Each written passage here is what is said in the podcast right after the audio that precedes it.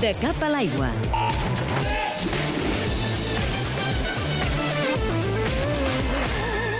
La nedadora de sincronitzada Andrea Fuentes és l'esportista catalana amb el millor palmarès olímpic. Té quatre medalles, de les quals dues de plata les va aconseguir als Jocs de Pequín l'any 2008. Les altres dues, una plata i una de bronze, les va guanyar als Jocs de Londres d'aquest estiu passat.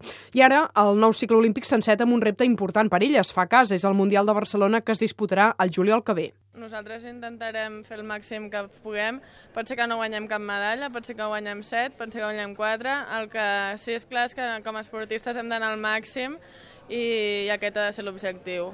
L'Andrea Fuentes és la líder d'aquest equip de natació sincronitzada que ara dirigeix un nou estaf tècnic amb Esther Jaumà, Ana Vives, Mayo Fujiki i Gemma Mangual com a entrenadores i Amana Montero com a directora tècnica.